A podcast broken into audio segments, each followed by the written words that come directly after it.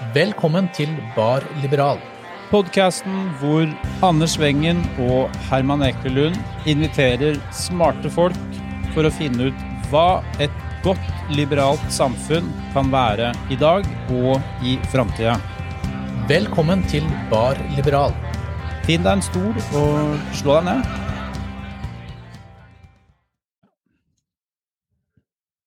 Arkitekturopprøret har revolusjonert debatten om estetikk og kvalitet i offentlig planlegging. I valgkampen 2021 var sosial utjevning en av velgernes viktigste saker, og mange snakker nå om sosial bærekraft. Løsninger for fjernarbeid utviklet under pandemien gir nytt håp for vekst i distriktene og reversering av urbane flyttemønstre. Alt dette handler om våre lokalsamfunn.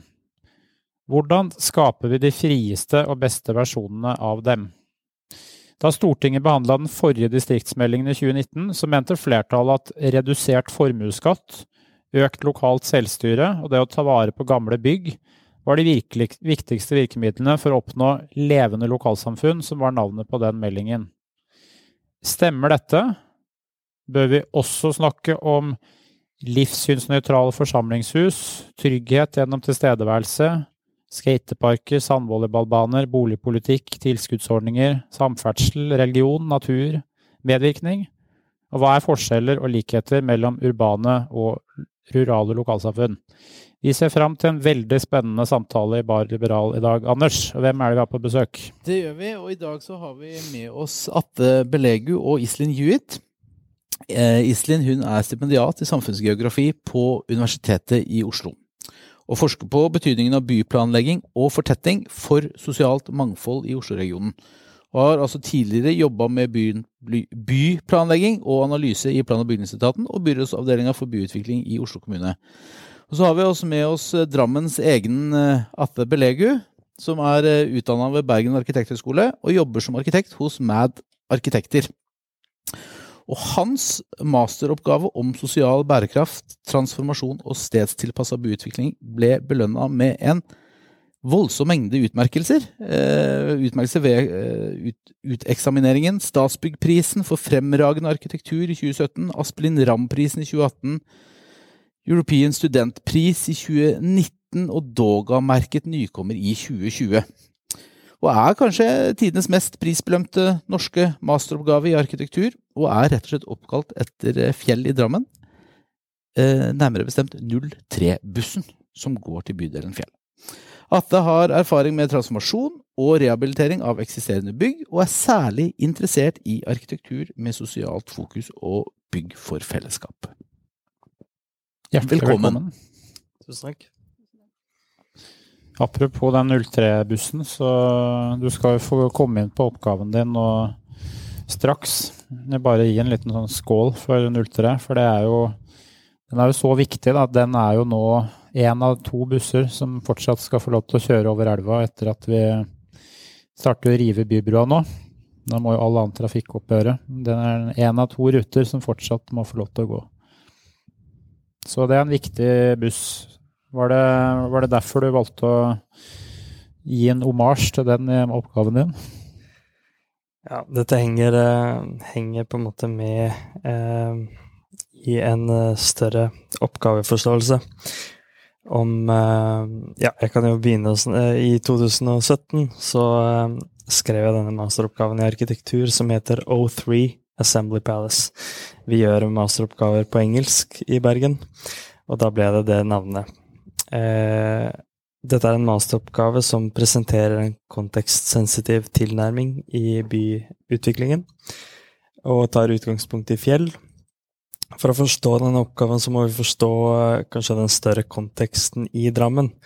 For Drammen, som eller i hvert fall vi drammensere eh, kjenner eh, Vet at Drammen har gått fra å bli oppfattet som en svært uattraktiv by til å bli Eh, en by med stor selvtillit, og som satser mye på fornyelse og forskjønnelse.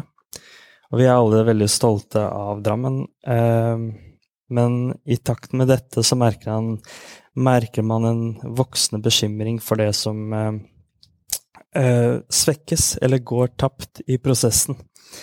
stedlige kvaliteter og særpreg, eh, ting som berører stedssansen og tilhørighetsfølelsen.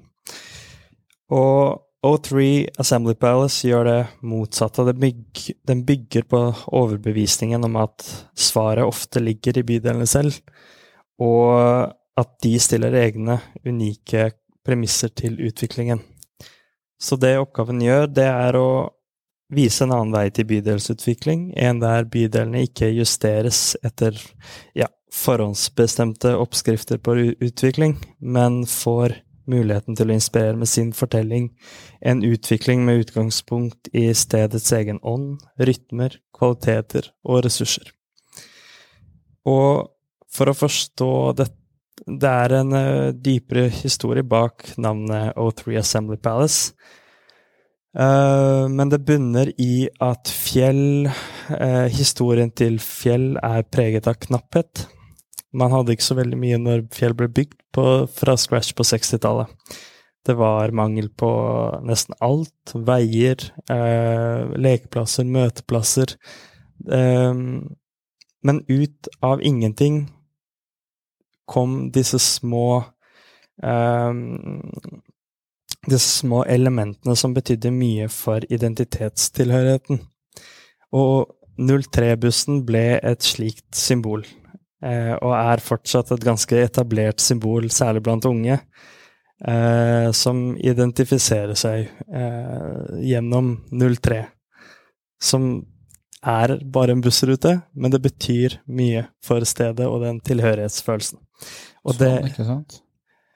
Ja, det blir vel noe sånt. Ja, Det som hører på podkasten, ser jo ikke hva vi driver med, men de har sitt eget uh, ja, Og det ser du ganske ofte i ulike arrangementer og organiseringer og Blokkfestivalen. Eh, ser du nøye gjennom bildene der, så ser du at ganske mange står med de Og det er tendensen, det er den historiske tendensen i stedet. Dette er noe som på en måte eh, har utgangspunkt i noe som oppsto lenge før de ble født. Eh, og det er disse tingene vi må ha litt eh, åpne øyne mer for, da. Takk for en god introduksjon. Iselin? Ja, eh, ja, når du snakker om 03-bussen, så assosierer jeg til den linje 5 i Oslo. Det er jo en T-banelinje mot Vestli. Vel, det har jo hatt sitt eget teaterstykke. For det er også mm. mye sånn identitet knyttet til den eh, banen. Um, jeg skrev jo Det er jo et område med Har noen likhetstrekk. Drabantbyområder. Uh, masteroppgaven min handlet om hvit flukt fra områder med høy andel minoriteter i Oslo. Uh, jeg skrev den masteroppgaven da jeg tok samfunnsgeografi, uh, med spesialisering i bygeografi. etter det så fikk jeg jobb i plan- og bygningsetaten i Oslo. så der jobb, liksom, lærte jeg om byutvikling, hvordan det skjer i praksis. Um, Forsto at byplanlegging i Norge først og fremst handler om fysisk planlegging, egentlig. Um, så det var jo litt sånn på en måte ekstremt lærerikt, men også litt sånn nedslående hvor lite av det sosiale som jeg var så opptatt av i studiene. Uh, hvor lite det var til stede der. Men jeg jobbet med byggesak og reguleringsplaner, og så jobbet jeg de fleste årene der med overordnet planlegging, da. Kommunens egne strategiske uh, planer, kommuneplan, utredninger osv. Uh, også innom regional planlegging og til slutt så hadde jeg en, eh, et engasjement i byrådsavdelingen med, det, med å utvikle tredje boligsektor, som uh, Oslo kommune holder på med. Um, men nå i dag da så holder jeg på med en doktorgrad på Universitetet i Oslo. Uh, og som sagt så ser jeg på konsekvenser av boligutvikling i Oslo-regionen og fortetting. Så på en måte siste 20 år da som har litt sine egne kjennetegn, eh, og hatt ganske massiv utbygging og kompakt byutvikling. Eh, markedskreftene har hatt stor innflytelse på byplanlegging og boligmarked. Eh, så jeg prøver å undersøke statistisk hva slags utfall det har gitt, da. Så jeg er kanskje mer sånn makroperspektivperson.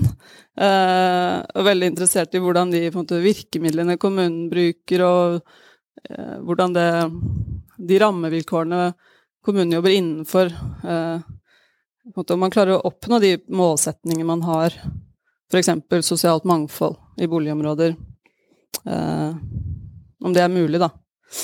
Og f.eks. hvordan fortetting og kompakt byutvikling påvirker befolkningssammensetningen. Du skal finne ut om det er mulig? Eller jeg skal, jeg skal se Nei, det, det, skal jeg ikke. Det er kanskje litt for ambisiøst. Men jeg skal se Det hadde vært hva veldig fint hvis du kunne Ja, fortelle oss om det, ja. om det går an. Det hadde vært Det er bra du stiller kritiske spørsmål. Jeg skal jeg på en måte skal se på hva som har skjedd av endringer i eh, sosialt mangfold, segregasjon, bostedssegregasjon i Oslo. Og så skal jeg uh, se hvilken effekt uh, det har hatt, uh, det at vi har fortettet eh, eh, det at vi har bygget rundt knutepunkt, eh, det at vi har pekt ut områder til strategisk fortetting osv., om det er noe av forklaringen på økt segregasjon i Oslo. Eh, og hvis man Så jeg, min liksom, tanke er jo da hvis kanskje vi ikke har nok virkemidler uh, innenfor det regimet vi har i dag, som er veldig markedsbasert. uh, så, så er på en måte det jeg prøver å belyse, da. Utfallet av det regimet vi har operert eh, med de siste ti årene. Ja, for det er jo veldig sånn interessant liksom, i, i perspektiv med, med 03-bussen også. så vi, vi sitter, det, jeg og Herman er jo, er jo også lokalpolitikere og havner veldig ofte i denne her, i, i på plandiskusjonene. Hvor skal vi bygge? Eh, og politisk så sier vi at fortetting, det er det vi må ha. Eh, fordi at det er viktig av, av miljømessige hensyn, eh, mobilitetshensyn. Eh, men det kan jo hende at det da er liksom en, en bakside av, av det på fjell, for eksempel, Liksom. Hvis vi nå tetter lager enda flere folk der oppe innenfor det, den kapasiteten som man har, hva, hva vil potensielt konsekvensene av det være? Det er ikke gitt at det er bra. Mm.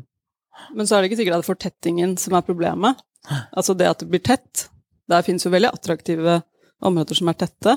Eh, altså for eksempel i Oslo, da, ved vannkanten, Bjørvika-området. Det er jo ikke fordi det er god plass der at folk liker å være der. Det er jo veldig høy bygningstetthet. Så, men det er jo mer at når du bygger eh, Når du fortetter og sentraliserer, eh, og samtidig ikke har noen prisdempende eh, mekanismer, og ikke har noe boligpolitikk som sikrer innslag av rimelige boliger, Mm. og tomteknapphet fører til at tomtene blir dyrere og dyrere, så, så liksom, til sammen, da, så, så kan det få en del sosiale implikasjoner. Men jeg er veldig opptatt av at det, man skal si at det er et argument mot å fortette, og at man heller skal bygge utover og ha byspredning, for det tror ikke jeg er et godt alternativ, da. Det bare litt sånn uh, uh, addendum på akkurat den der. Det, det, jeg føler iblant at vi ikke er helt enige om hva vi prater om akkurat der. Eh, vi hadde jo i, i vår rollen til meg og Anders, når vi ikke driver Bar Liberal, eh, som politikere, hadde vi oppe en sak her forleden om dette med tredje boligsektor. Der var jo forståelsen av hva tredje boligsektor er, den spriker jo ganske mye, da. Det er ganske mange forskjellige definisjoner på, på det. Så det var en eh, tanke som slo meg, at jeg tror den debatten vil ha godt av at vi blir enige om hva, hva det betyr. Eh, det kan uh, Når det skaper såpass sterke følelser som det gjør, så tenker jeg blant at det er fordi noen misforstår hva som egentlig noen prater om. Men det var uh, et sidespor. Um, bare for å ta kort inn på de oppgavene deres. Jeg vet ikke i hvilken grad dere har uh, rukket å studere hverandre, men er det, hvilke fellestrekk er det i det arbeidet og de arbeidsområdene dere har, har gjort?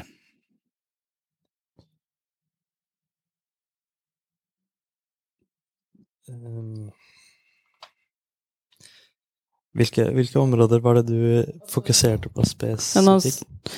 Jeg så jo på um, uh, hvordan flyttemotiver hos barnefamilier uh, Altså hvordan majoritetsbefolkningen uh, flytter ut av områder med høy minoritetsandel. At det er et eksplisitt flyttemotiv. Jeg tenker at vi begge på en måte tematiserte byområder jeg, vet ikke om måte, minoritetsandel var et tema for deg, men Fjell har jo høy minoritetsandel. Mm. Så sånn sett så er det en fellesnevner.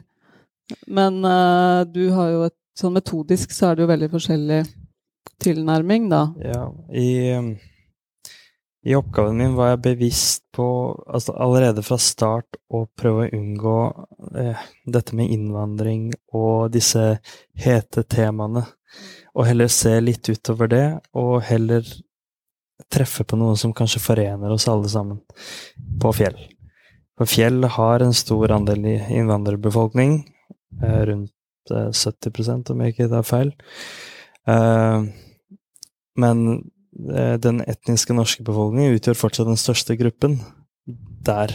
Eh, for når vi, når vi snakker om 70 eh, innvandrergrupper, så er det 70 nasjoner. Mm. Som kanskje ikke har noe til felles kulturelt eller historisk med hverandre. Så den norske gruppen forblir fortsatt den største gruppen på Fjell.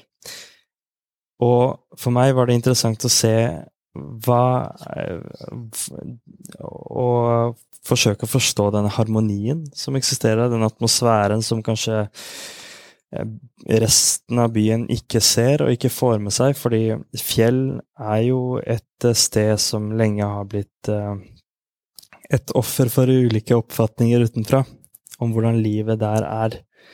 Oppfatninger som Altså Det som ofte blir tilskrevet Fjell av ulike oppfatninger er eh, ofte ikke eh, oppfatninger folk som bor der, kjenner seg igjen i. Så for meg var det viktig å forstå livet innad, og hvordan man formidler dette i et konkret prosjekt til byen. Mm. Um, det er veldig mange som mener noe om fjell.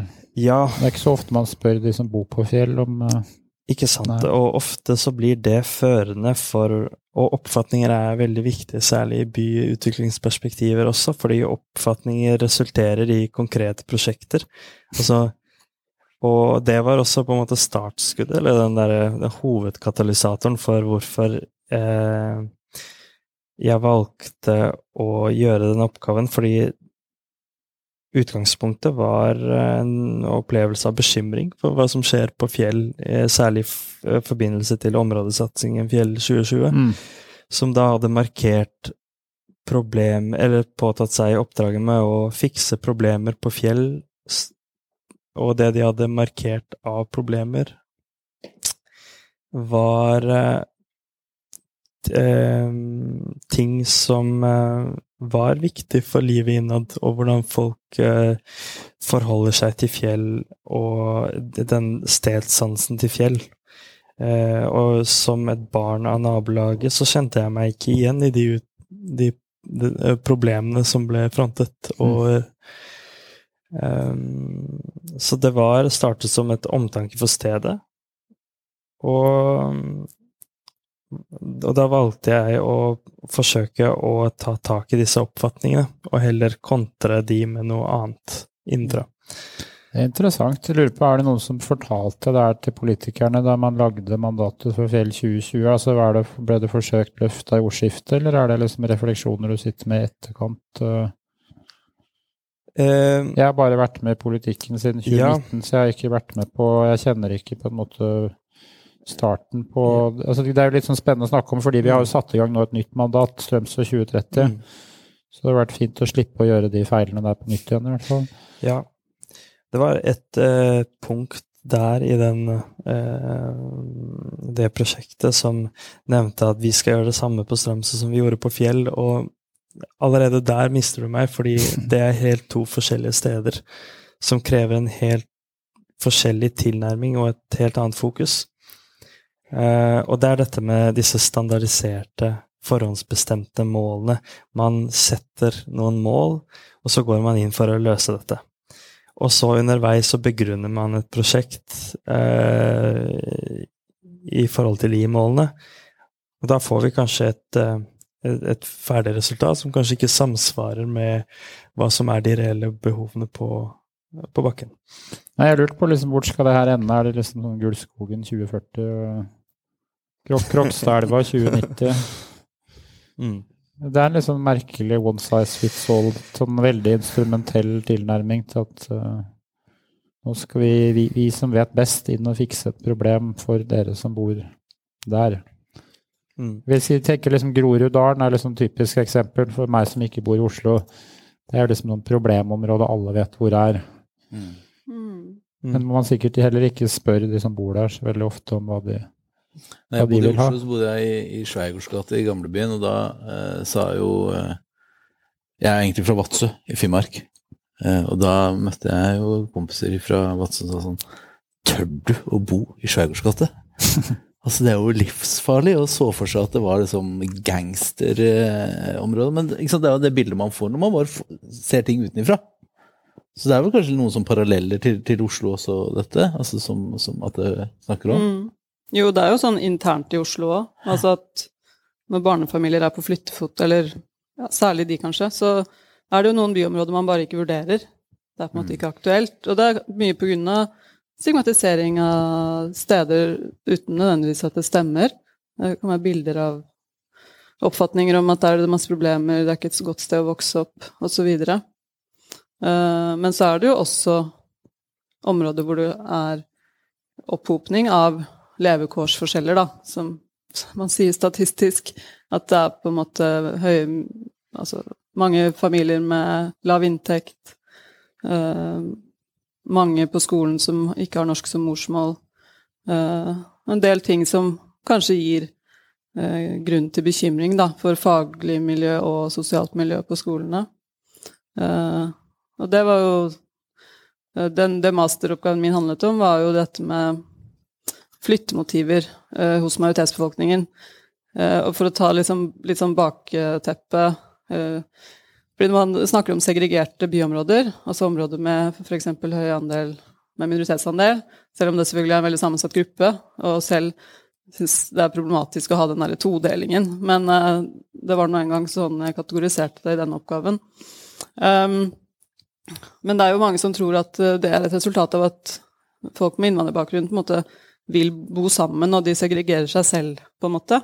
Men eh, det er jo først det er jo markeds... Altså kjøpekraft og boligpriser, en mye mer sånn grunnleggende forklaring. Eh, men i tillegg at de med etnisk norsk bakgrunn oppfører seg sånn at de på en måte bidrar til ytterligere segregasjon, da, fordi de flytter ut av disse områdene, og de unngår å flytte til dem. Så det var det jeg ønsket å belyse, da. Og for noen så er det jo et argument eh, Noen tok jo dette til inntekt for at ja, vi burde ikke ha innvandring, vi burde begrense innvandringen. For de ser folk vil ikke bo i områder med høy andel minoriteter. Men det er jo Jeg tenker jo at det heller er et argument for å jobbe mer for å skape bedre integrering og mindre segregasjon da, i bosettingsmønstre. Ja, liksom Apropos der, jeg, bare, jeg følger litt med på Oslo-debatten nå. Så leste jeg et sånt snodig innlegg fra Jeg lurer på om redaktøren er den som heter Avisa Oslo, eller Vårt Oslo, eller hva den heter for noe. Ja, hun bor i hvert fall på Nordstrand. Og så var hun rasende på byrådet som ikke Og den småhus uh, En sånn småhus-eplehageplan som er på vei i Oslo eh, hvor de ikke vil tillate eh, å skille ut tomter og bygge tettere på villastrøkene. da. Så hadde hun sånn harang over at nå kommer det aldri til å bli Altså, den villadrømmen er nå uoppnåelig for alle i Oslo. Fordi nå kan ingen ta Altså, hvis vi ikke får skilt ut flere tomter på Nordstrand, så er det ingen eh, flere barnefamilier som vil få tilgang på dette godet. Og så er det sånn, hallo, det er jo masse eneboliger på Stovner, og, men de teller liksom ikke med da, i den der eh, villa, villadrømmen der. Det er jo et eksempel på den der merkelige Og det, jeg vil jo tro det blir noen selvforsterkende boble etter hvert, det der, da. Hvis uh, redaktøren i Avisa Oslo forteller liksom implisitt at, uh, at, uh, det er ikke et bra nok sted å ha en enebolig på, på Stovner, f.eks. Men, men hvis man liksom løfter det vekk fra liksom at jeg er inne på også i sin oppgave, hvis vi løfter det vekk fra liksom integrering, innvandringsspørsmål altså jeg, igjen, jeg er jo fra Finnmark. Hvis vi går 50 år tilbake i tid, så sto det jo ikke nordlendinger ikke sant, når de skulle leie ut leiligheter i Oslo også. Så det er jo alltid noen som får skylda for noe. Sånn er det jo alltid. Men, men går det an å si noen ting om hva er det da som gjør et sted attraktivt? Hva er det som gjør at folk faktisk ønsker å bo et sted? Hvorfor vil folk bo på fjell? Eh, til tross for, for alt dette andre, hva er det som gjør at man faktisk velger å bli der? Hva gjør at hva gjør at folk vil bo et sted? Det er et sånt veldig viktig spørsmål. Og man lander ofte på begreper som tillit, trygghet, tilhørighet. Og dette er veldig sånn koselige nøkkelord som jeg tror alle i rommet kan enes om. Eh, men det som er interessant, er hva vi, både individuelt eller som en del av et større, mer spesifikt miljø, legger i disse begrepene. Hvordan vi bevisst og ubevisst kanskje oppfatter tillit og føler trygghet og opplever tilhørighet. Da er det ikke sikkert vi alle er enige om hva det er for oss. Og dette kan også variere. Dette varierer fra person til person, familie til familie og nabolag til nabolag. Og folk søker steder som i en eller annen form ivaretar deres forståelse av disse begrepene. Og jeg tenker at sånne steder er veldig viktige. Eh, vi flyttet til fjell ikke fordi vi hadde et, eh, kom fra dårlige økonom, økonomiske kår, men fordi det sosiale var veldig viktig for oss. I det ukjente så søker man det kjente. Mm. Og da eh, Og det, altså Det er noe rart med forståelsen av det som noe kontraproduktivt da, i integreringen. For for mange så er det liksom det første ledd i integreringen. Man vet ikke hvordan systemet fungerer, men så går man og er med i noe som kanskje har på en måte fått, fått en fot inne og kanskje kan hjelpe deg med noen ting. Og det starter i det små. Og jeg tror ikke vi helt fremhever eller forstår viktigheten av det for noen som nettopp har kommet her. Det, og dette er et fenomen vi ikke Altså Man ser dette i Spania også. altså eh, Nordmenn mingler jo mer sammen når de er der. fordi da er det kanskje noen der som har mer erfaring med det spanske systemet. og man, altså Eh, og det blir jo på en måte veldig, veldig ofte første ledd i en, en, eller annen form for integrering, da, eller en bosetting. Eh, og noen ganger eh, så er disse, også, disse forbindelsene til disse begrepene, som jeg nevnte innledningsvis, de er um, usynlige frem til de forsvinner. Og det er liksom i fraværet av den forståelsen av det, den kanskje ubevisste forståelsen av de, at man begynner å forstå hvorfor det forrige stedet var så bra. Mm. Altså, vi, jeg merker det veldig godt at veldig mange fra fjell som flytter ut av fjell, i den kommunikasjonen og den formidlingen av deres tid fra fjell, at det vekker noen minner, og det er et savn involvert. De savner det kanskje noen med, sånn mellommenneskelige relasjoner eller kommunikasjon. Eh, smilet til naboen. Altså sånne ting, da. Eh, og det, bare det å ha mulighet til å gå og låne egg og melk fra naboen, sånne type ting er veldig viktige.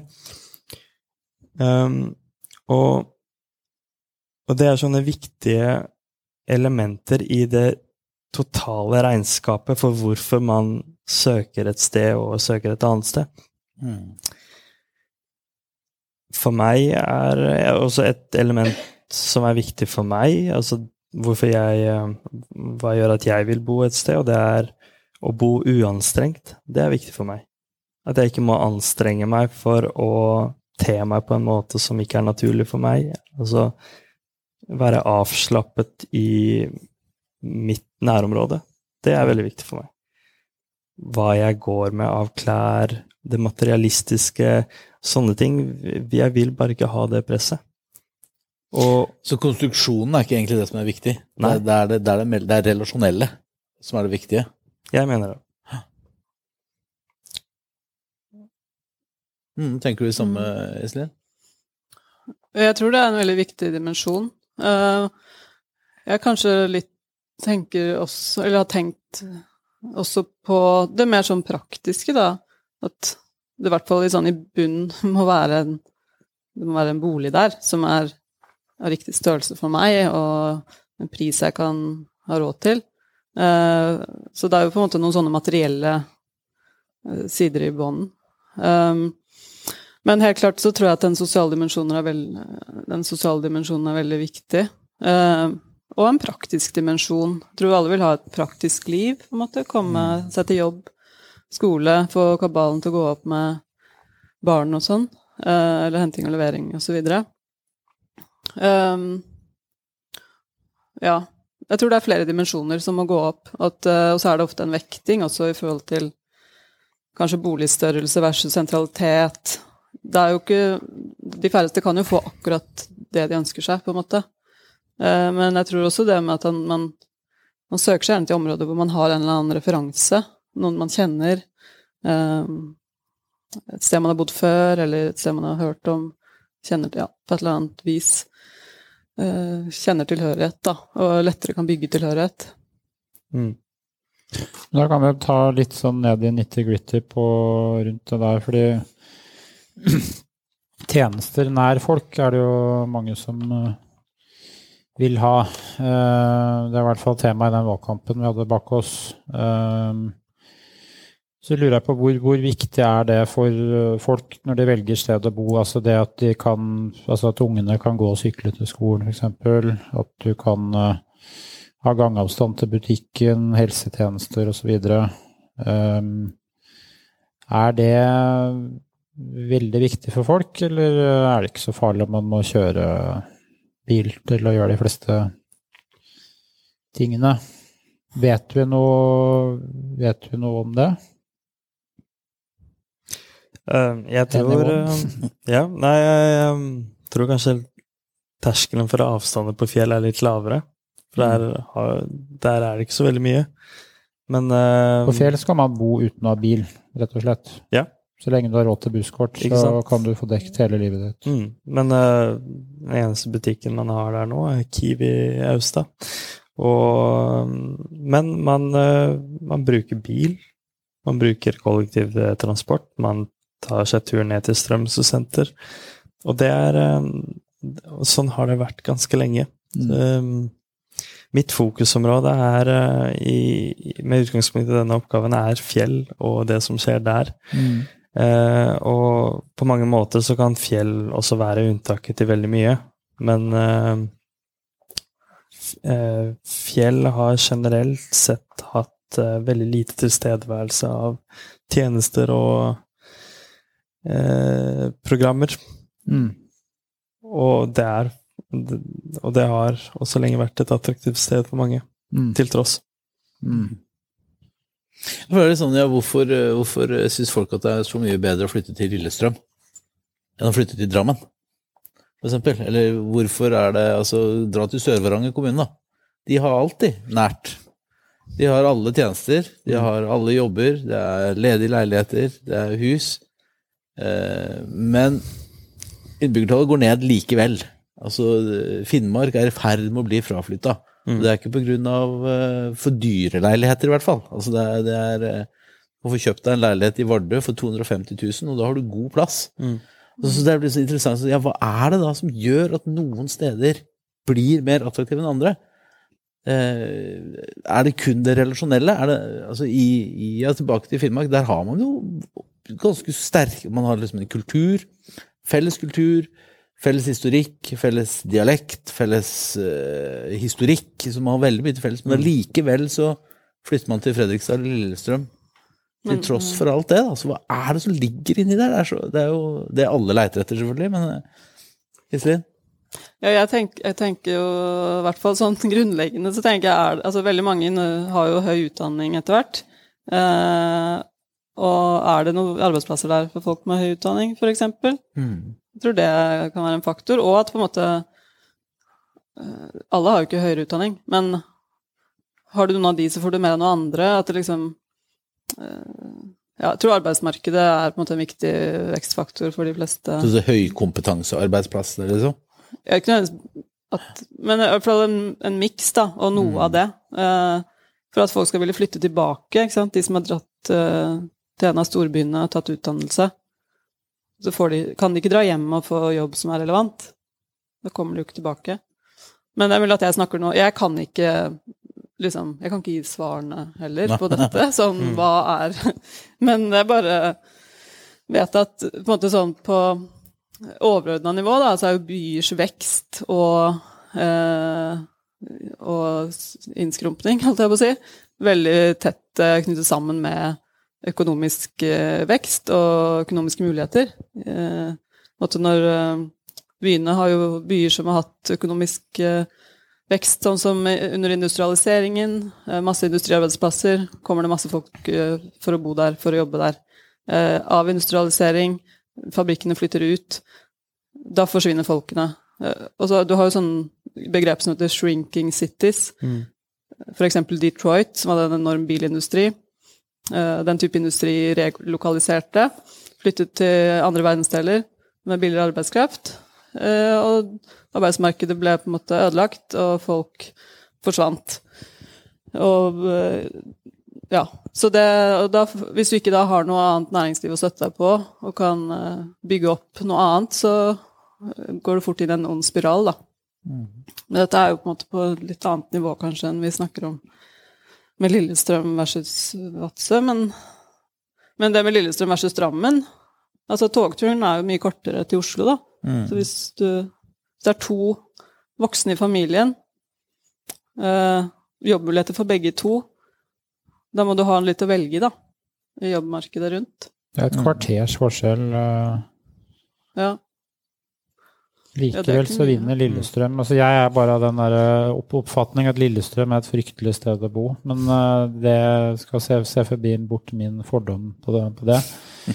Men jeg klarer ikke å skjønne hvorfor Lillestrøm skal ha så utrolig mye større forutsetninger til å lykkes enn det det vi gjør her i Drammen. Men det er mm. derfor jeg liksom lurer på den der fortettingskoden. Da.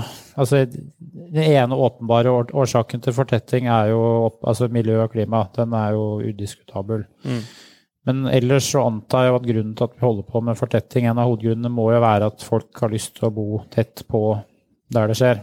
Tett på kollektivtransport og lege og kino og alt det andre. Hvis det ikke er en faktor, så begynner jeg å lure på hvorfor vi holder på med det. Ja. Mm. Jeg tror helt klart det, by, ja. det urbane livet har Og det henger også med at byene har blitt mye mer trivelige og fine, hyggelige steder å være, fordi industrien har forsvunnet. Det er, det er ikke dårlig luft lenger, og som vi snakket om før vi startet, elva er rensa, sikkert mye bedre lukt. Det er liksom det er mye mer attraktivt å være i byen. Det er også mindre biltrafikk etter hvert, eh, mens når man regulerer det bedre også, så så har du nærhet til kafeer og butikker og kulturtilbud. I hvert fall for de fleste i en fase av livet er jo det veldig attraktivt. Mm. Mens detaljhandelen forsvinner ut av sentrum. Da. Den eh, forsvinner til de bilbaserte kjøpesentrene hvor man må kjøre for å kjøpe kjøleskap og mm. printer. Mm. Ja, det, det er ikke bra for byene. Nei, det er en sånn transformasjon som foregår nå av byområdene, hvor uh, jeg ser for meg at sluttbildet må jo være at byene blir et sånt sted for uh, underholdning og kaféliv samt type showrooms fra butikkene hvor du kan gå og peke på et eller annet, og så er det en bil som kjører hjem til deg. Mm. Men jeg føler vi er på en knekkpunkt nå, der hvor det er en voldsom nostalgi for det der gamle byen som folk vil holde fast ved. Mm. Uh, det er jo generelt mye av det i politikken og ordskiftet om dagen. Det er mye sånn nostalgi om gamle dager. Mm.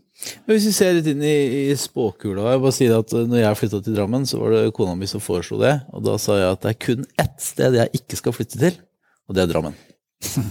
Eh, og jeg hadde ingen god grunn for det. Det var bare lå i ryggraden min at, at dit skal jeg ikke flytte. Hadde aldri vært der. Eh, og så vet ikke jeg hva som skjedde, men vi flytta nå hit likevel. Men, eh, og jeg har ikke angra på det. Men det er jo noe med historikken. Mm. Ligger jo også inni der. Ja. Men hvis vi ser litt sånn inn i spåkula, det er jo mange som har altså nå, nå endrer jo vet jeg ikke hvor fort det gjør, det, det vet sikkert dere mer om enn om meg, men dette med, med den nye digitaliserte arbeidshverdagen, ikke sant. Nå kan du få Sitter på kontor hjemme hele uka. Eh, nå har eh, departementene har begynt å opprette desentraliserte arbeidsplasser på Stad, så du kan jobbe i, i, Kunnskapsdepartementet og sitte på distriktene. ikke sant? Du kan få flytte alle disse kompetansearbeidsplassene, kan flyttes ut til nærmest hvor som helst.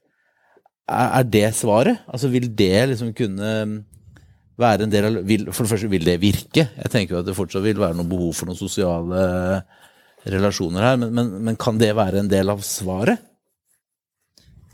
Jeg tror kanskje det er eh, For min del så er det litt for tidlig å si ringvirkningene av det vi har vært gjennom nå, og hvor lenge det kommer til å vare. Kanskje det også er en hype. Jeg merker jo at folk vil jo tilbake til arbeidsplassen og være omkranset av kollegaer og kanskje et eh, litt eh, sikrere rammer for arbeid eh, som stimulerer oppmerksomhet og Ikke sant? Men eh, det kan godt hende. Eh, jeg tror det er litt for tidlig å si eh, Mm. om de ringvirkningene jeg kommer til å fortsette i den retningen. Mm. Mm. Ja, hvor viktig er den fysiske arbeidsplassen? Liksom? Hvis, hvis den ikke er noe viktig, så kan vi jo sitte hvor som helst i hele verden. Og, Mm. Jeg tror den er viktig. Det, du kan aldri erstatte ansikt-til-ansikt-kontakt. Og det å møte kolleger og snakke sammen. Mm. Uh, og det, det var jo noen som mente at når internett kom, litt sånn som vi snakker nå altså Da internett kom, at nå trenger vi ikke nå trenger vi ikke å være i byene lenger. Nå kan vi bare være hvor som helst. Men det skjedde jo ikke. Uh, og, et, og hvert fall liksom forskningen på økonomisk geografi da, rundt næringsutvikling og innovasjon og klynger og sånne ting, at det er veldig viktig med de fysiske møtene mellom folk.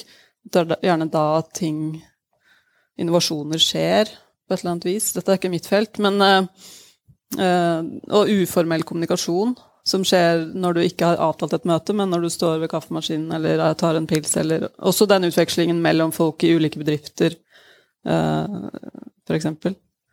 Men jeg tenker jo at det med hjemmekontor som vi har hatt mye av, det må jo ha gjort Jeg, vil heller, jeg kan heller ikke spå, men det, må, det åpner opp for noen, noe med fleksibilitet, da. I hvert fall. Kanskje noe andre løsninger. Litt sånn kombinasjon. Ja.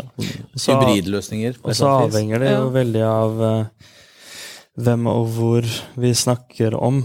Eh, for sånn F.eks. på Fjell så er det veldig mange som er inne i restaurantnæringen og dagligvare, og så jobber som krever at du kanskje er i på stedet. Mm. Mm. Eh, altså, dette er også veldig kontekstuelt. Altså, svaret kan liksom Vi finner svaret hvis Mm.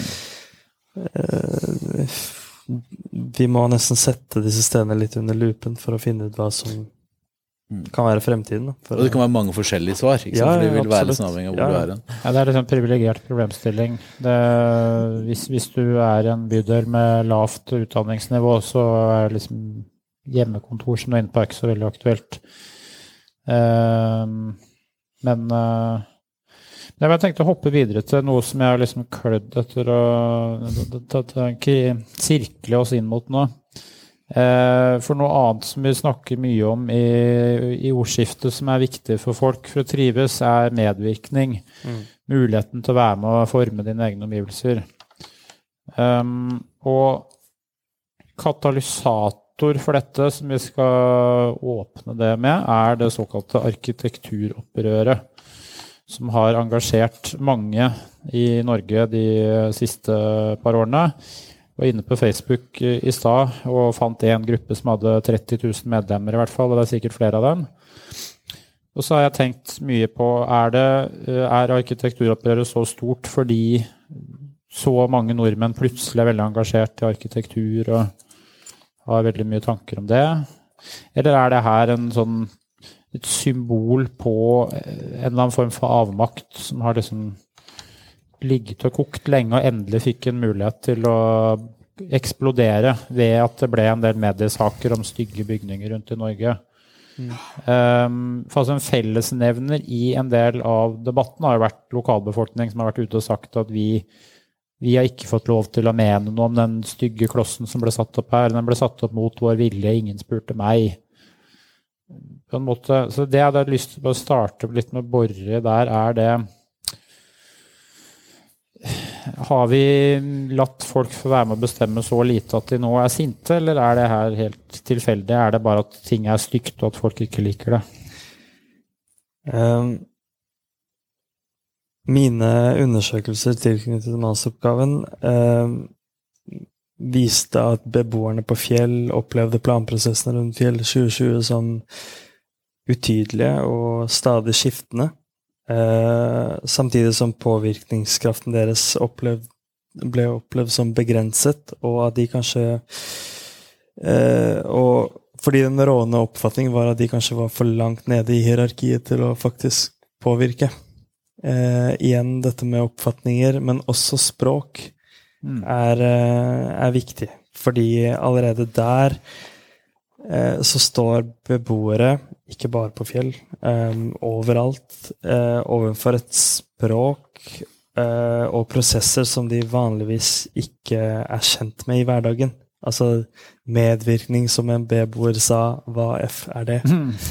Um, og for å forstå arkitekturopprøret, så tror jeg at vi må, vi, vi må, prøve å forstå hvilke krefter som på en måte har på mange måter um, styrt en stor del av byutviklingen i Norge, men også utover. Uh, og, dette er krefter uh, der mennesket og liksom de menneskelige opplevelsene er litt ute av prosessen. Mm. Og, og dette resulterer på en måte i, eller er med å påvirke, eh, den erfaringen med arkitektur som ikke lenger er et språk som mange forstår. Eh, og det, med dette så skapes det også en slags eksklusivisering av arkitekturspråket. Altså hvor eh, et bestemt språk dannes, og alt som på en måte er utenfor det, blir på, sett på som enten uavansert eller litt bakvendt, som det eh, ikke er verdt å vurdere. Eh, I dag Altså, bygninger taler ikke lenger. Det er arkitekten som forteller deg hva du skal se, mm. føle og oppleve. Før i tiden så brukte ikke arkitektene så mye tid på å forklare sine bygninger, for de talte sitt eget språk. Mm. Folk forsto i en brøkdel av eh, et sekund bygget i den konteksten. Og det arkitekturopprøret gjør nå, som jeg tenker er litt viktig, er at de trekker språket ned til et relaterbart menneskelig nivå, og reduserer dermed også terskelen dramatisk som igjen utvider da omfanget av inkludering. Selvfølgelig skal vi snakke om stygt og pent. Altså, vi tar Det er en del av hele den menneskelige opplevelsen og hele mennes menneskets historie. Vi har jo tatt beslutninger på hva Viktige beslutninger i livet basert på pent og stygt. Altså eh, Og igjen dette for å da trekke i, i, forbindelse med arkitekturopprøret og de debattene som oppsto, så var det ganske sterke parter hvor den ene eh, så ikke det på som legitim, disse tilbakemeldingene fra arkitekturopprørere og vanlige borgere om pent og stygt. Det var bare ikke nok. Eh, men noen ganger er det nok.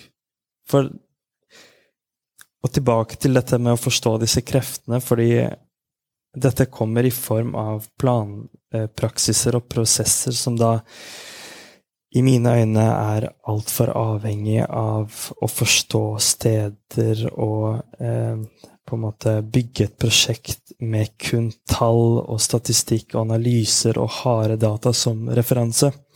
De er veldig logiske, og de er veldig rasjonelle. Og det er jo veldig fint.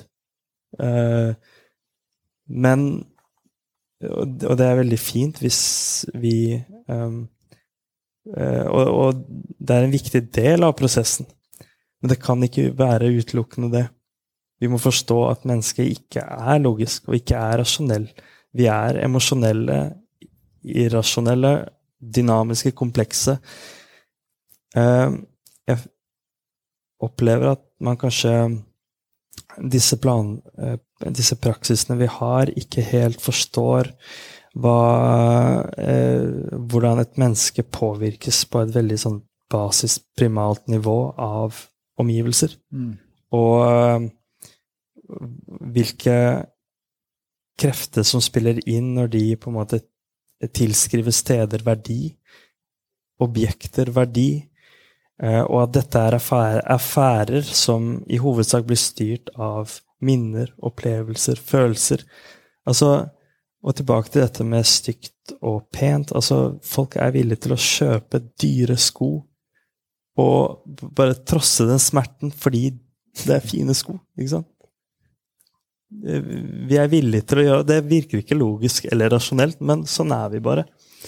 Og, Men- Jeg bare tenker at Litt av utfordringen her når vi snakker om pent og stygt, da, det er jo, eh, er jo at vi er uenige. Ikke sant? Og det, og det som er kanskje arkitekturopprøret Jeg fikk litt sånn smak av det, at alt stort er stygt, alt smått er fint. mm? Idet du lager en stor blokk, eller lager sånn disse fuglehusene, du lager sånn bomaskiner, eh, så er det stygt, og det er vi imot, men, men alt, alt det lille er, er, er, bra, for det blir ikke så prangende. Og at litt av diskusjonen, litt av utfordringen blei at eiendomsutviklerne, de trenger stort mm, for å gjøre det lønnsomt. Og da finner man ikke, der, man finner ikke den fine formen. Eller det blir uenighet da, om hva som er fint. Når vi snakker med eiendomsutviklerne her i Drammen, så syns jo de at det er fint. De syns jo at, at, at det som vi ser her ut av vinduet her nå, som jo er bomaskiner, at det, at det er fine blokker. Men det er nok ganske mange som er uenig i det. Så det blir litt av problemet. Ikke sant? Er- Ja, hvem er det som skal definere hva? Hvor er det, hvem skal ta beslutningen? Det er merkelig det var at alle syns den der samme innglaserte greia der er fin i hele Norge, men eh, Ja, ja. Kalnes og Drammen overalt, så Ja. er den fin. Nei, men det, det som eh, eh, og, og det kom eh, Vi må ha forskjellige meninger. Altså, det eh, Og det kommer vi alltid til å ha. Det som gjør arkitekturopprøret kanskje litt spesielt, er at det engasjerer så mange som kanskje ikke har et forhold til, eller som ikke er en del av feltet. Og denne gruppen mennesker som designer og mener om ting. For jeg har sett venner og folk som jeg aldri trodde hadde noen mening om bygg og arkitektur, dele fra arkitekturopprøret. Det engasjerer. Altså, de de relaterer seg til det som blir sagt der. Eh, og det syns jeg er viktig. Ja, for det er det jeg vil litt inn på i forhold til den verdien av medvirkning. fordi hvis, hvis vi ser på Du var inne på planprosesser, da.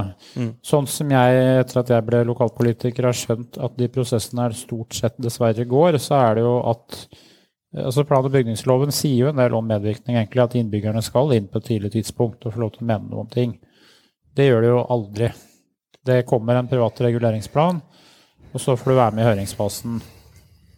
Vi vet jo hva som skjer i en høringsfase. Da er jo 95% av løpet kjørt, stort sett. Det er jo, det er, ikke- det er jo ikke medvirkning. Mm.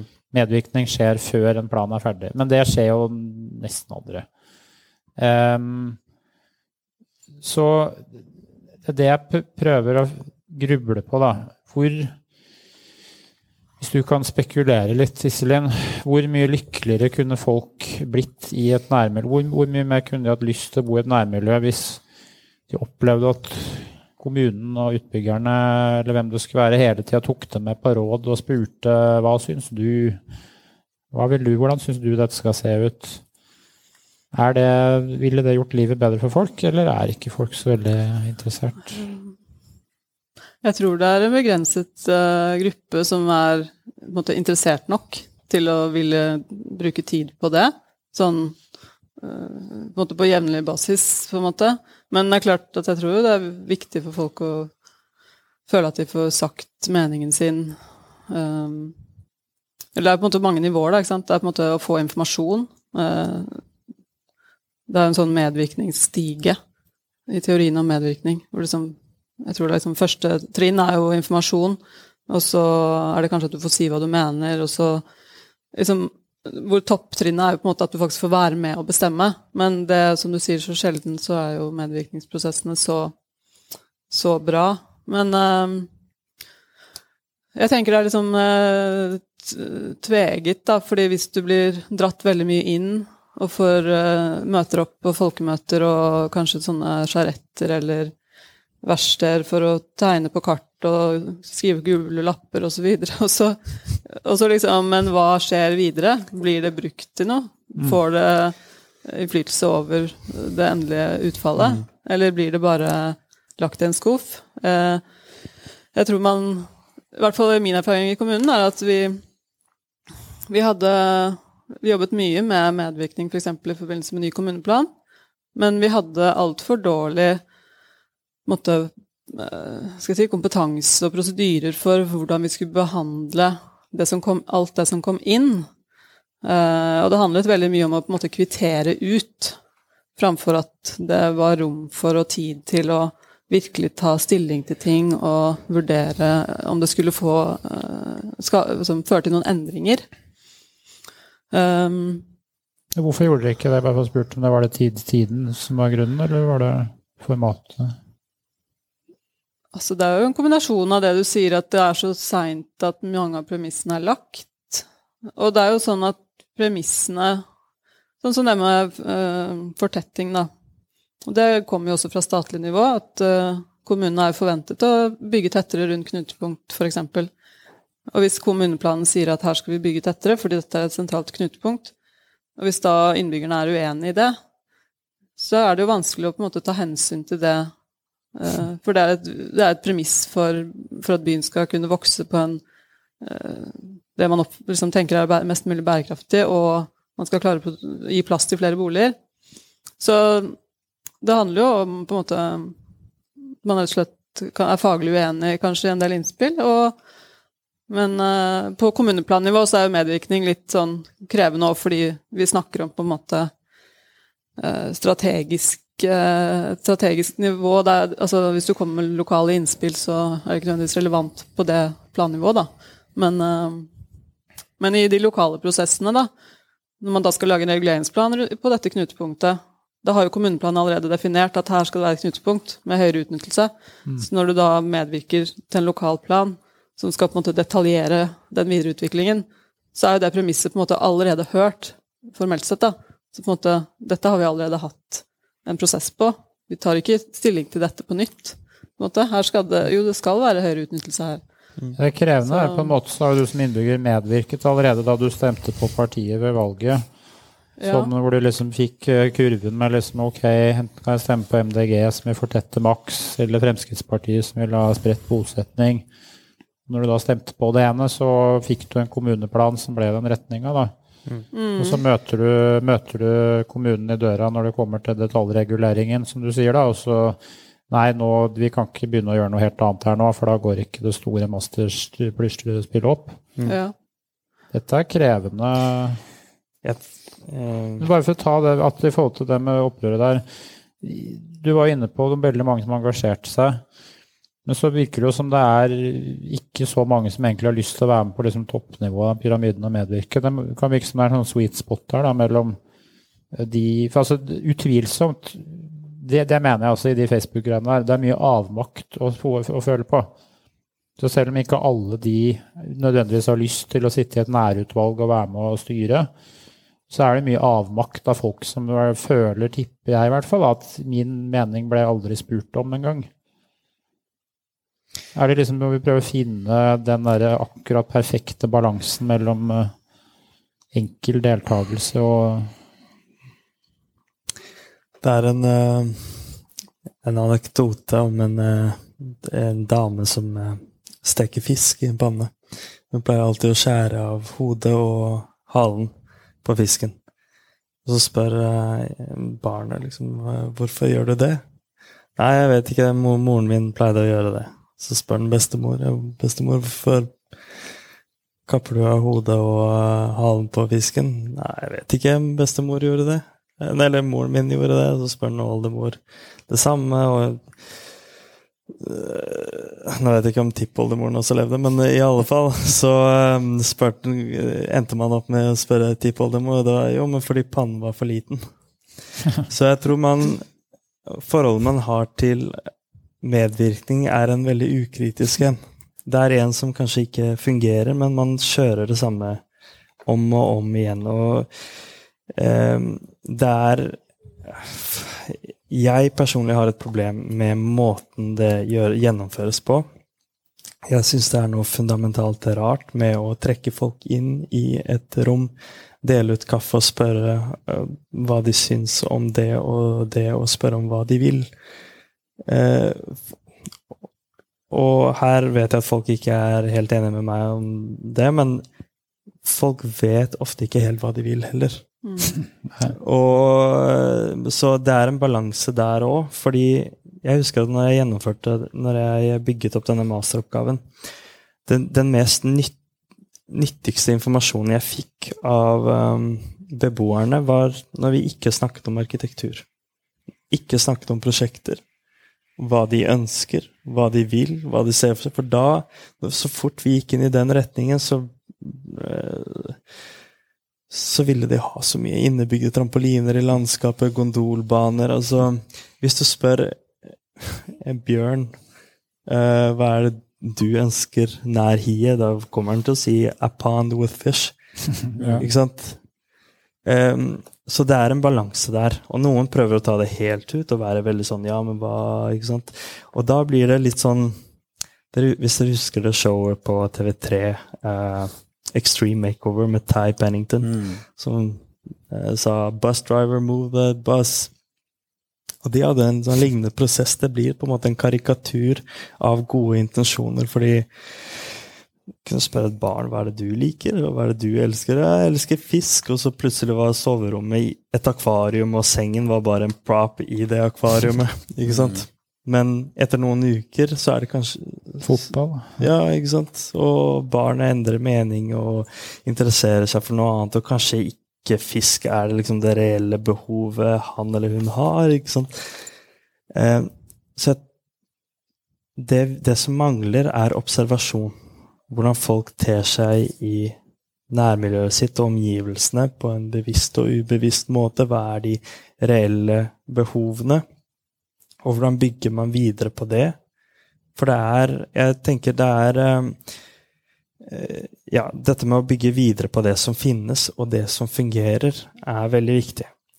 Og dette har også med sånn Jeg tenker litt sånn misforstått At man misforstår byutvikling, eh, og at man forstår det som noe som um, Altså Byutvikling er ikke noe som bør forstås som noe som trenger å sluke eller bre seg utover eller vokse oppover eller skinne, for den saks skyld.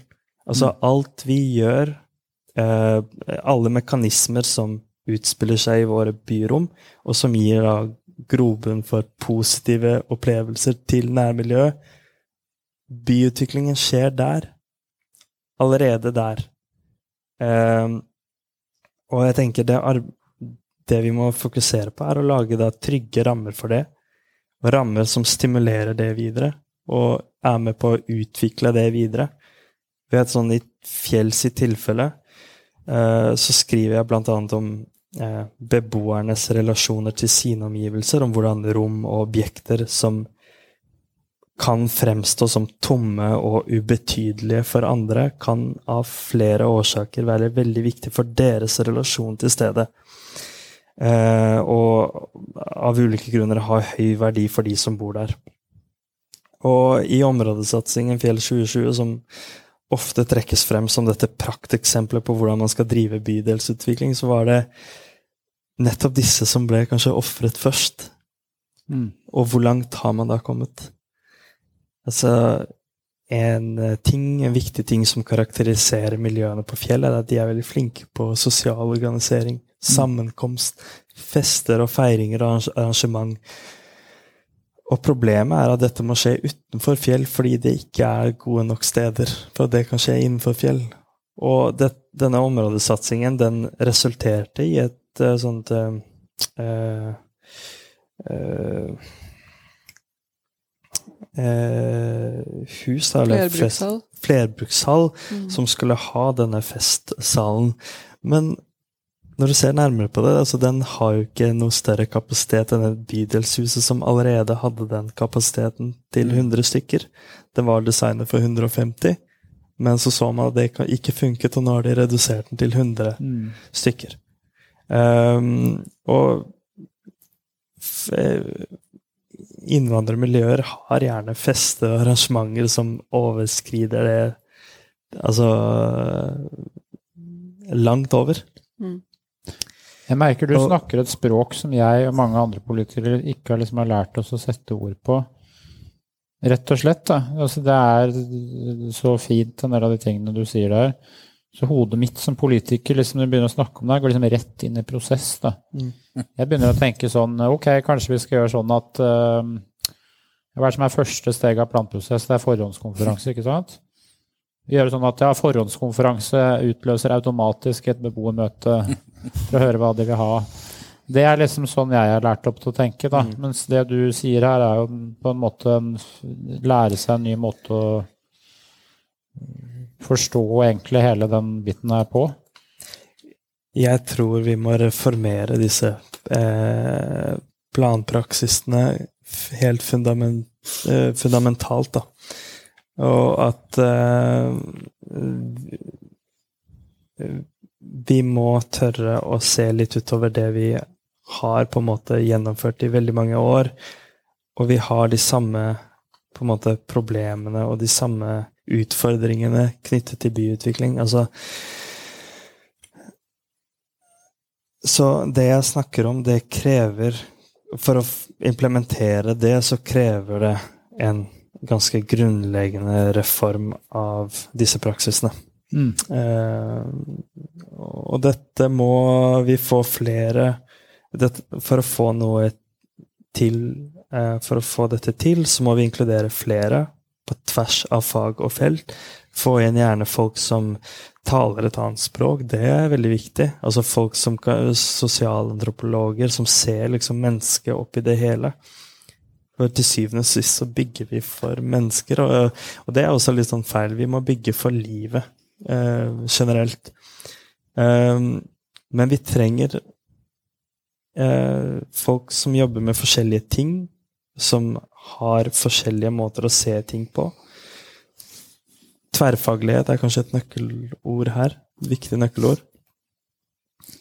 Ja, som er inne og hjelper politikerne med å forstå hva de skal gjøre, rett og slett. Ja, det er ikke bare politikerne. jeg tenker det, det er jo en sånn, jeg vet ikke hva du tenker om dette, Isli, men det er jo en, en, helt annen måte å tenke rundt medvirkning på. Altså, Jeg leste en, en artikkel på jeg tror det var rett og slett på arkitektur.no for, noen, eh, for noen måneder siden hvor det var et par arkitekter som tok til orde for at kanskje man skal slutte med medvirkning rundt planprosesser.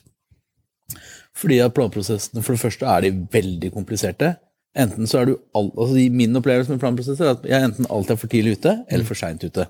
Det fins aldri sånn det riktige tidspunktet å komme mm. med, med, innspill på.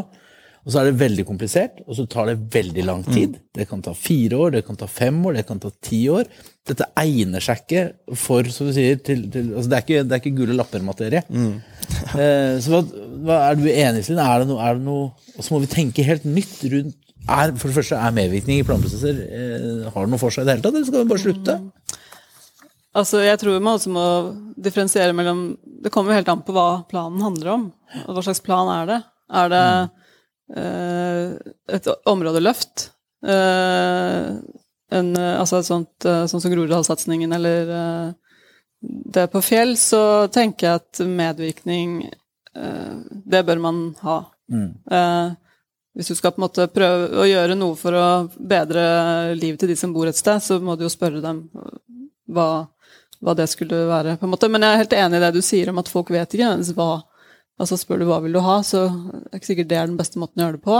Men på en eller annen måte involvere folk. da, Jeg er ikke noen ekspert på dette. og jeg men, eh, men, det er noe helt annet hvis du skal ha medvirkning rundt f.eks. Eh, Munch-museet. Det nye Munch-museet i Oslo. Hvordan skal du ha medvirkning om det? Skal du ha måtte, folkeavstemning på ulike alternativer, eller Det er på en måte noe helt annet. Mm. Uh, og eller en ny bydel fordi man river et gammelt industriområde. Der bor det ingen fra før. Hvem skal mene noe om hvordan det skal bli der? Uh, der tenker jeg på en måte at representative demokratier kanskje er viktigere, og bydelsnivået.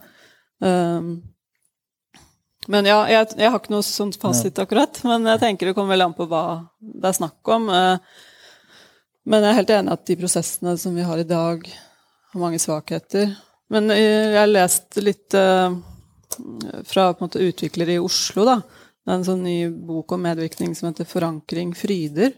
Uh, og der er det noen bidrag fra mange forskjellige, både forskere og praktikere. og um, ja, og der om, snakker de om at mange av de eiendomsutviklerne og byutviklerne i Oslo, i hvert fall, de som opererer der, de syns jo medvirkning er nyttig, fordi de får lokal kunnskap, som kan være på en måte kommersielt interessant.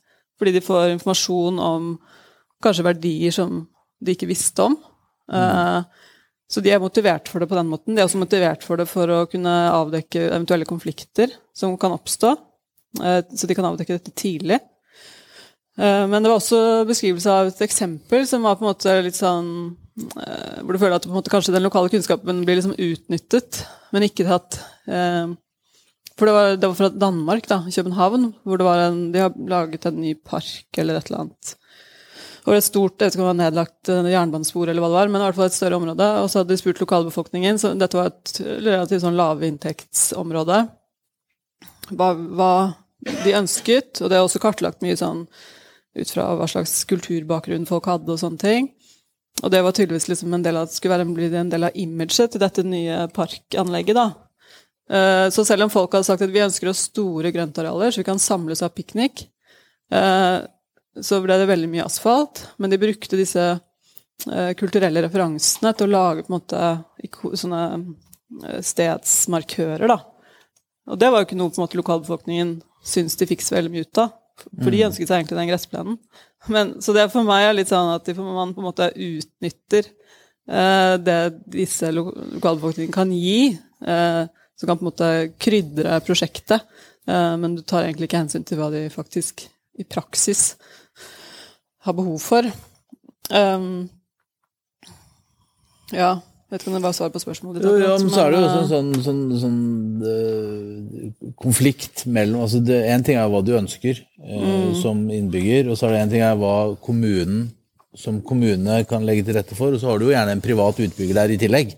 Mm. Som skal mene noe, og den private utbyggeren må jo på en måte Nå vet jeg det er en del kommuner nå som driver og jobber med å skal få på plass sånne visuelle veiledere for kommunene sine, eh, som man da skal politisk beslutte mm. hvordan den visuelle veilederen skal være, som for at det skal være et forpliktende dokument mm. for, for utbyggerne. Og det kan hende at det er en god idé, altså, men, det, men for du, du, har jo den, du har den der konflikten mellom hva kan du bestemme, og hva mm. ønsker du å bestemme. Absolutt. Som alltid ligger der som en litt sånn Og jeg tror, jeg tror det er litt av kanskje grunnen til at Eller det jeg tror da med arkitekturopprøret, at eh, det handler jo om stygt og pent og sånn, og at kanskje det har blitt så mye produsert så innmari mye ganske sånn eh, arkitektur som man egentlig ikke har lagt så mye innsats i å gjøre så innmari fint. Eh, så det er verken på en måte det tradisjonelle og gamle som man syns er fint, og det er heller ikke på en måte eh, noen, de, altså noen, nye ting tror jeg de fleste syns er fint, eh, sånn som Operaen i Oslo eller Astrup Fearnley-museet. Det er liksom vakre materialer. Det er veldig liksom Det er lagt mye i å gjøre det vakkert, da. Mens veldig mye av de leilighetsprosjektene som oppføres, er jo mye mer sånn standardisert, og det er dårlige materialer og billig. Og det tror jeg folk er lei av, på en måte. Og det er tett, det er lite grønt. Uh, så er det sånn volumet av dette. Um, og så er det sosiale medier og på en måte hvilken sånn eskaleringseffekt det kan gi, da, tenker jeg. Jeg tenkte å gi en litt sånn intro til det som jeg tror vi skal kalle siste hoveddel av samtalen, i hvert fall. Ehm, jeg har tenkt en del på at nå etter pandemien så er det på en måte det er litt sånn muligheten til å ta redefinere hva som er gode lokalsamfunn. Etter at folk har vært i lockdown i to år og vært eh, fra hverandre, og nå liksom skal møtes igjen. Um, Min reise inn i pandemien var at jeg før pandemien så hadde jeg bare bodd i by. Gangavstand til alt, uten bil. He hele livet. Plutselig så endte jeg opp i en uh, privat situasjon hvor jeg endte opp uh, på Berger, helt sør i Drammen, utenfor allfarvei. Og ikke gangavstand til noe som helst. Men fantastiske naturskjønne omgivelser. da. Perfekt, sånn, uh, perfekt sted å liksom ri ut apokalypsen. Uh, der ute, men når på en måte dagliglivet banker på døra igjen, og du har en arbeidsgiver i Oslo som gjerne vil at du skal bli mer enn en sånn digital avatar igjen, så da passer det jo ikke så bra. Men bare, min observasjon av det lille stedet da, er jo Det går litt tilbake på det relasjonelle. Da, fordi det, det, alle verdiene som er skapt i lokalsamfunnet der, er av de som bor der. Det eneste kommunen har bidratt med, er å ødelegge det ved å legge ned skolen, egentlig. Ellers er alt er bygd på dugnad. alle verdier kommer gjennom eh, vennskap og dugnadsarbeid og entreprenørskap i, i lokalmiljøet. Og jeg tok meg selv, etter å ha bodd der en stund, og tenke på hvor ensomt livet i byen er på mange måter. Uten alle de relasjonene. Og hvor på en måte unikt fjellet igjen blir oppi der da, med det du snakket om i stad. Så jeg bare tenker, Hvordan kan vi liksom ta med oss altså Det beste vi har på Berger, da, det er samholdet, menneskene, dugnadsånden. Den der viljen til at ja, hvis det er noe som blir ødelagt, så tar vi med naboen og fikser det. Liksom. Vi gidder ikke å vente på at Drammen kommune skal komme og ordne. Mm. Det er det beste vi har. Det verste vi har, er liksom mangel på politi, mangel på andre ting som er nært. Vi må reise langt for å gjøre ting. Så litt sånn utfordring her, da. Da er vi inne på flere temaer i forhold til nærhet, trygghet, øh, økonomi og for så vidt. Hvordan kan vi liksom ta med oss de beste tingene her inn for å lage gode lokalsamfunn etter øh, post pandemic?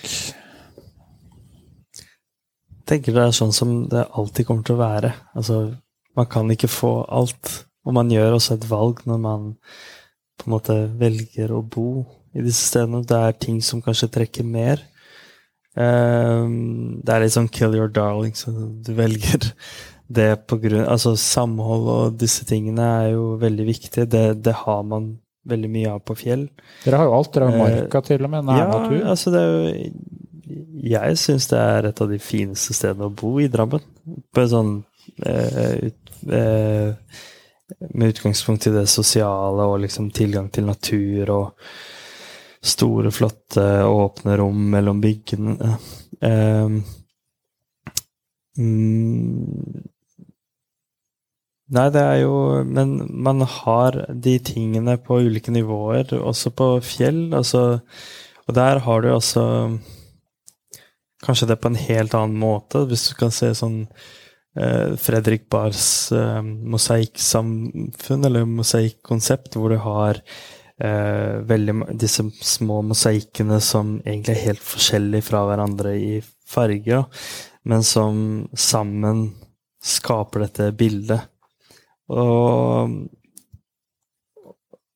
og det Og det er en verdi som kanskje trumfer noen ting. Altså, man har um, dette med politi og andre tjenester og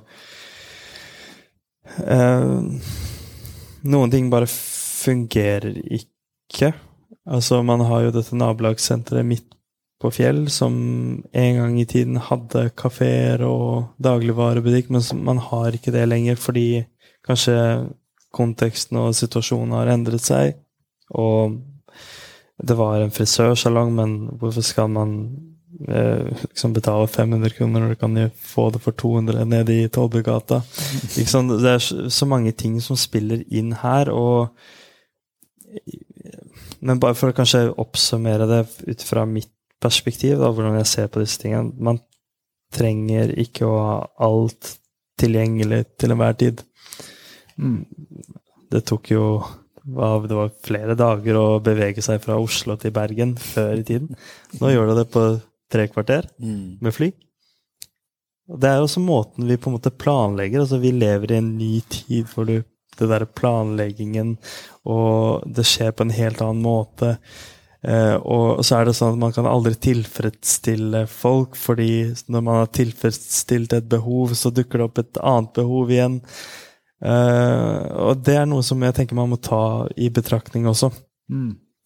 Blir man liksom løpende bak? Jeg får en sånn husker når jeg vokste opp, og så var jeg fra Vadsø, og da var på et tidspunkt så skulle alle byer med respekt for seg sjøl Du skulle ha en skateramp.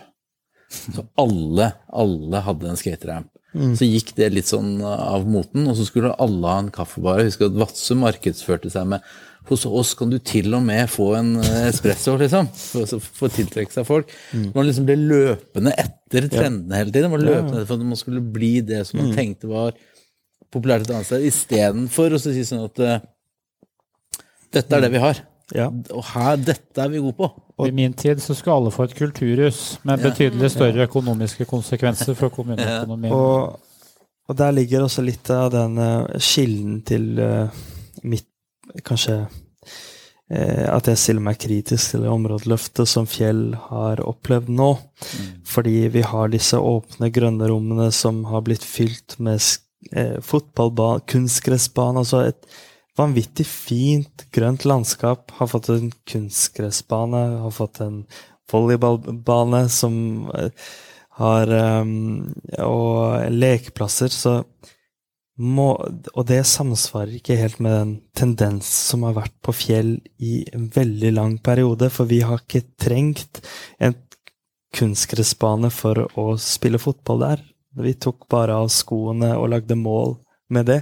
Og når vi var ferdig med å spille, så tok vi det på oss igjen og stakk. Og plasten forble uberørt og åpen for andre å bruke det på sin måte. Men nå har man på en måte begrenset det uendelige til tre-fire spesifikke programmer. Jeg får litt sånn følelse av en hvite mann som kommer og liksom sivilisere den uh, lokalbefolkningen. Jo, men, men dette, er på, dette er kunnskap og en måte å gjøre ting på som vi alltid har kunnet. Altså hvor, hvor mennesker har eksistert i millioner av år, tusenvis av år. Hvorfor behøver vi lekeplasser i den formen vi ser dem nå, for å bruke rommene våre. Altså, jeg taler litt intets sak her, da. Mm, mm. Men eh, Og det er Altså Det trenger ikke å være sannheten for bydel for alle bydeler, men for Fjell så har det vært en verdi som man kunne bygget videre på. Istedenfor å fylle disse åpne, grønne, tomme landskapene med alt mulig ræl, Mm. som sandvolleyball som på en måte har blitt representert på en sånn litt sånn tullete måte i media. Altså eh, at uh, vil ikke ha sandvolleyballer på Fjell. Det handler bare om at Fjell har hatt en sandvolleyball som i dag er overgrodd fordi det ikke var bruk for det. Og Vi har fått to nye gjennom området, denne områdesatsingen. Så ett sted klarer ikke eh, eh, mister man forbindelsen, da. Dere får sikkert en ungdomsklubb òg. Hmm? Dere får sikkert en ungdomsklubb til en gang også. Hva tenker du, Iselin? Er det sånn at det har gått inflasjon i ballbinger? Jeg er litt sånn ambivalent. Altså, øh, min sønn er veldig glad Han velger kunstgressbanen framfor den naturlige gressløkka. Det syns de er bedre å spille på. Så, men er det sånn at det ikke er i bruk, på en måte, så er det jo Ja. Men, øh, men jeg Ja, hvor startet øh, spørsmålet her? Men øh, Ja, hvordan lager vi de beste, frieste Ja. lokalsamfunnene nå som vi har muligheten til å liksom regroup litt etter Ja. pandemien? Altså, For å hekte det litt på det forrige punktet, det med arkitekturopprøret Det som jeg på en måte, det som bekymrer meg litt i forhold til det, er jo at det blir så innmari fokus på hvordan ting ser ut. Og jeg tror egentlig ikke det er det som er avgjørende for uh, om folk har det bra. Eh, Men det er på en måte det ytre og det konkrete man kan snakke om lettere. Um, og så liksom blir det fest, assosiert mye nostalgi eh, til hvordan ting var i gamle dager, kanskje. Og, når, og liksom de gamle, fine bygårdene og de gamle, koselige trehusene. Og så assosierer man det med et annet liv som kanskje var fint, men ja, jeg, jeg tror ikke vi skal liksom tenke at det er den fysiske utformingen som definerer hvor bra ting blir, hvor gode liv man kan leve, selv om det kan ha noe å si. Uh, så jeg vet ikke om det er så Men i forhold til sånn etter pandemien Jeg tror jo livet går vel som før, på en måte. Uh, vi, eller jeg tror ikke vi trenger å tenke annerledes, men uh, personlig så er jo, som du kanskje har skjønt, liksom opptatt av dette med boligpolitikk og at uh, måtte, muligheter og ressurser er ulikt fordelt. At uh, hvis politikerne skal tenke om uh, Tenke rundt lokalsamfunn i hvert fall i en sånn storbykontekst som jeg kommer fra, da, så tenker jeg at man må ta høyde for, for sosiale forskjeller og boligpolitikk. Det er på en måte helt grunnleggende. Um, tenker at det er behov for en, på en måte, sterkere satsing på eh, Eller at man må måte se at byer har eh, egne behov, egne utfordringer. Mm. Byer har mye mer sammensatt befolkning. Det gjelder jo Drammen også. Så liksom er det Så må vi finne riktig vei der, da. På en måte Tredje boligsektor, vi var jo inne på det i starten. Den boligsektoren med mange definisjoner. Um, vi hadde jo faktisk noen her som sa at vi er egentlig vi er, vi er for tiltakene, vi er mot begrepet. De syns at, at uh, fordi at tredje boligsektor smaker av eh, planøkonomien, sosialismen, mm. mens, eh, mens, man egentlig ikke vil ha det. Mm. Men man vil gjerne ha alle tiltakene. Ja, altså har, ja, for det er jo Boligpolitikken blir jo kalt liksom velferdsstatens vaklende søyle eller noe sånt. fordi mm. altså Vi har jo mye sosialisme i skole- og utdanningspolitikk og i helsevesenet, så liksom, hvorfor skal vi ikke ha det i boligsektoren? Det er jo også et helt grunnleggende behov. Men, uh, men, jeg skjønner jo at det er jo et veldig politisk spørsmål. Mm. Uh, men jeg syns jo, apropos sånne tiltak og Sånn Husbanken, jeg mener jo de her burde få en mye mer sentral rolle. og De deler jo ut midler f.eks. til sånne prosjekter som skal kartlegge muligheter for tredje boligsektor. Nå senest så jeg at Tøyen boligbyggelag f.eks. har fått midler og laget en rapport om det. Så man på en måte kaster ut små midler hit og dit, men istedenfor å på en måte gjøre en ordentlig satsing, da. Eh, fordi kommunene har jo ikke økonomi, tenker jeg, til å bygge opp en tredje boligsektor selv. Det må komme noe statlig finansiering inn. Mm. Så må man ja, se til andre land. Eh, men må det være må, må det være, bare spurt om det, uh, må det være liksom i blokk, eller går det an å tenke, se for seg boligsosiale planer som også tar for seg folk som har lyst til å ha hus med liten hageflekk og sånn. Det er jo noen partier i hvert fall vil jo gjerne ha sosialt, men også ikke bare fortetta supersentralt. Mm. Altså det Jeg vet ikke helt, jeg. Altså sånn i Det er jo Oslo jeg kjenner best, da, men der er jo stort sett eneboliger med hage i privat eie, og de er vanskelig å på en måte få tilgang på, kan du si, utenom det private markedet. Men, uh, så det er jo hva man kan ta seg råd til, da. Hvis du skal på en eller annen måte subsidiere noe, eller pålegge utbyggere og sånn som man gjør i England og f.eks. at de må finansiere en viss andel rimelige boliger hvis de bygger nye boliger. Uh, det er nok lettere å få til det med leilighetsbygg, da. Mm. Men uh, det er klart at uh, man skulle jo ønske at mulighetene til å velge den boligen du har lyst til, skulle vært litt mer tilgjengelig for flere. Og mange vil jo ha enebolig. Ja, det er få grep nå, det er jo inne på i stad med den eplehagefortettingsplanen f.eks. Da. da kan du få skilt ut en del tomt, men det kan jo ha en del andre konsekvenser òg, som man kanskje skal tenke seg om før man gjør. Men uh, vi har holdt på i gode halvannen time, vi. Så kanskje vi skal nærme oss en uh, landing og be dere to få gi oss noen sånne Pauli ord helt til slutt, med anbefalinger om uh, hva, hva de beslutningstagerne, både offentlig og privat, som måtte sitte og høre på det her, hva deres beste råd er til dem for å lage frie og gode lokalsamfunn. Um, ta stein, saks, papir. Nei, du, du eh, bygge videre på det som finnes, eh, og det som fungerer. Forståelse for det komplekse mennesket. Det tror jeg er litt viktig å få inn i disse prosessene. Og så må vi forstå at eh, bydelsutvikling Altså en vellykket bydelsutvikling, min forståelse, er en byutvikling som kanskje reflekterer og er drevet av omgivelsene, for det, det er det mest bærekraftige. Altså eh, som Og vi trenger prosjekter som ikke er livs, altså livsavhengige av kommunal støtte, vedlikehold og For å kunne fungere. Men det må ligge noe mer. Altså Se på miljøene, altså omgivelsene, de umiddelbare omgivelsene som drivstoffet som på en måte skal få disse byggene til å gå. Da. Mm. At man kan ha det kommunale tilstedeværende, men det må ikke hvile utelukkende på det.